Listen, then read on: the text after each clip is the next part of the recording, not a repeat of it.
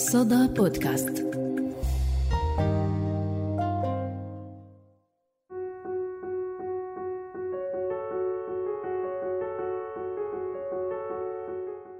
في ذاك الجيل كان بابا دائما بيقرأ الجريدة وماما تطبخ.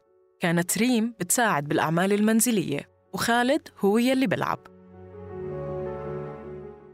الأدوار بين الرجل والمرأة كان التنميط فيها واضح. الأنثى في المطبخ وتربية الأولاد والرجل القراءة والعمل.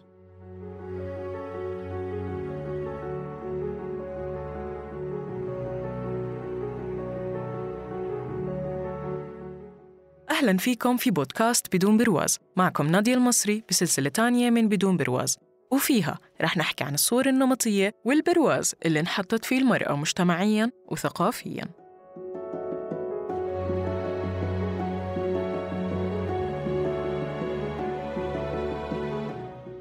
اتفاقية سيداو واللي تعد من أهم المواثيق الدولية اللي شملت المعايير الدولية لحقوق المرأة أشارت لأهمية ودور المناهج المدرسية فيما يتعلق بصورة المرأة وتحديداً في الفقرة جيم من المادة عشرة واللي جاء فيها القضاء على أي مفهوم نمطي عن دور الرجل والمرأة على جميع مستويات التعليم وفي جميع أشكاله عن طريق تنقيح الدراسة والبرامج المدرسية وتكييف أساليب التعليم.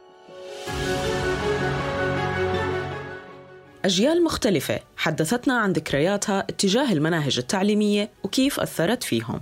دائما كانت صورة الأم محصورة في المطبخ يعني وبالمنزل فقط. ما بتذكر إنه مرق علي كان في صورة لسيدة عاملة محامية طبيبة أو مهندسة. الأم دائما كانت صورتها مربوطة في الشؤون المنزلية فقط. مش كتير متذكر المناهج بتذكر كانت حصص المهني للبنات مخصصة للمطبخ والخياطة. أما الأولاد فكانوا يروحوا للزراعة والتصليح والأب كان بقرأ الجريدة والأم كانت بالمطبخ وعادة كانت البنت مع أمها والأب بيساعد أبوه. وهذا الإشي بنمط الأدوار المجتمعية للرجل والمرأة. فانبنى براسنا فكرة دائما إنه البنت مقربة أكتر للأم والولد مقرب أكتر للأب.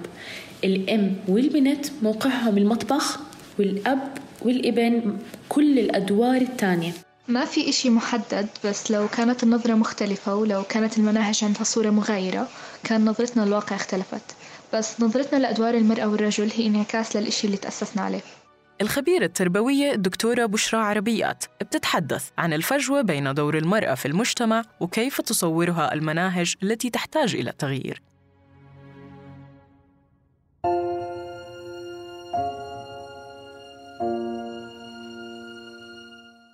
بالنسبة للمناهج المدرسية كيف تعاملت المناهج الدراسية مع دور المرأة؟ برأيي أنه ما زالت المناهج تفتقر لتعزيز دور المرأة في المجتمع. ما زالت يعني بتظهر المرأة هي الأم فقط وهي اللي بتدير بالها على البيت والأولاد وإلى آخره. نعم المناهج قد تكون عززت من الصورة النمطية للمرأة وبرأيي أنه يجب أن تكون هناك يعني أن يكون هناك بعض التعديلات على المناهج بحيث تظهر المرأة القيادية في مواقع قيادية مختلفة المرأة الإعلامية المحترمة المرأة العاملة لكن كمان بأسلوب منتج. كل هاي الأشياء إحنا بحاجة لها لأنها هي أصلا هي موجودة في مجتمعنا. يعني مش شيء جديد على المجتمع إنه نحط هاي الأشياء في المناهج الدراسية. تربوياً للمناهج انعكاس مباشر في تعديل الثقافة السائدة لصورة المرأة، ولكن تعديلها لا يقتصر فقط على المناهج، إنما على الكادر التعليمي أيضاً. لا شك أنه للمناهج دور كتير كبير في تعديل الثقافة أو النظرة للمرأة عند الجيل الحالي والقادم ولا شك أنه علينا كمجتمع التغيير أو البدء بالتغيير على الأقل في تغيير هاي النظرة من خلال المناهج وتأثيرها على الطلاب. برأيي المناهج إلها دور بس كمان آه، بقترح إنه يكون في ورشات عمل داخل المدارس الحكومية والخاصة تشارك فيها لجان آه، متخصصة ويتناقشوا مع الطلاب ويتناقشوا مع المعلمين والمعلمات لأنه في معلمين ومعلمات لسه أصلا بدهم تغيير ثقافة وفي مديرين ومدراء ومديرات أيضا بدهم تغيير ثقافة. ففي هون دور لازم يلعب الدور هذا مؤسسات من المجتمع المدني بالتعاون مع وزارة التربية والتعليم والقطاع الخاص وممكن إنه يكون في تأثير على المدى البعيد.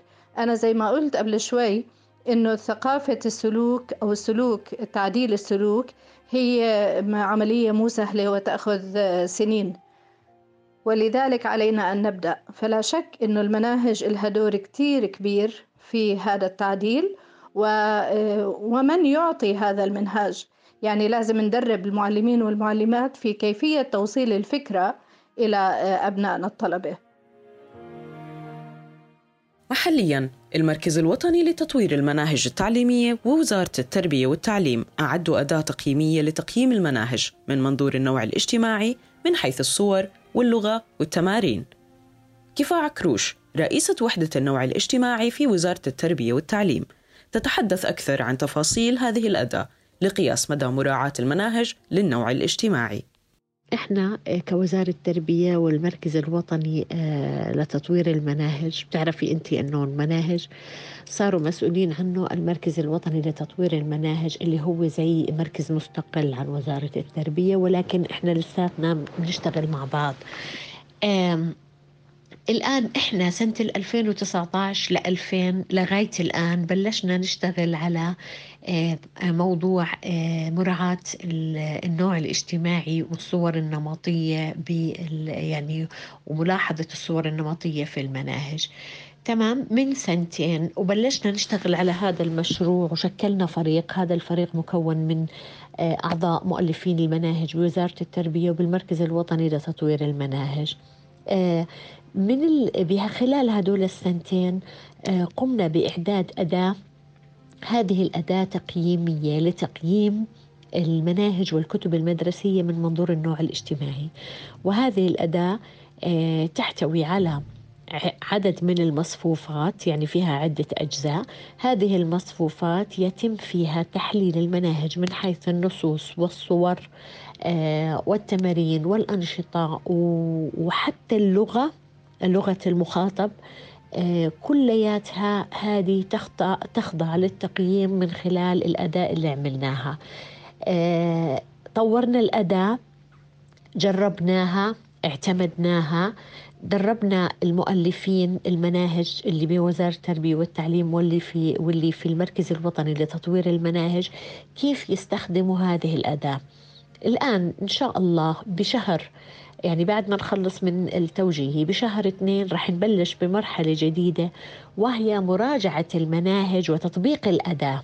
يعني نستخدم هذه الأداة على المناهج والكتب الجديدة اللي الآن آه، آه، بيطوروا فيها لأنه وزارة التربية لغاية الآن صاروا مخلصين آه، تجديد العلوم والرياضيات والتربية الإسلامية. وهاي السنة رح يبلشوا بالاجتماعيات والعربي والحاسوب.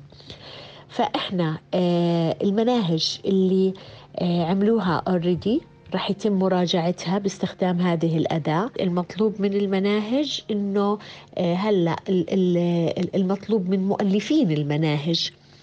إنهم يكونوا على وعي تام بهاي القضايا يكون عندهم هذا الحس بالموضوع المساواة بين الجنسين موضوع آه، آه، تقليص الصور النمطية بالمناهج آه، موضوع إبراز دور المرأة بشكل متوازي مع دور الرجل وحتى الفتاة والفتاة يعني الفتى والفتاة كمان. وهذا وأنه يتم كمان تطبيق هاي الأداة اللي طورناها على المناهج الجديدة اللي راح آه، آه، يعتمدوها واللي راح يطوروها للسنوات القادمة. على الرغم من مساهمة الاحتجاجات النسوية من السبعينات في العديد من الإصلاحات في المناهج الدراسية غير أنه صورة المرأة في الكتب التعليمية لساتها تقليدية وهو اللي ترك آثار طويلة المدى على الأجيال الناشئة.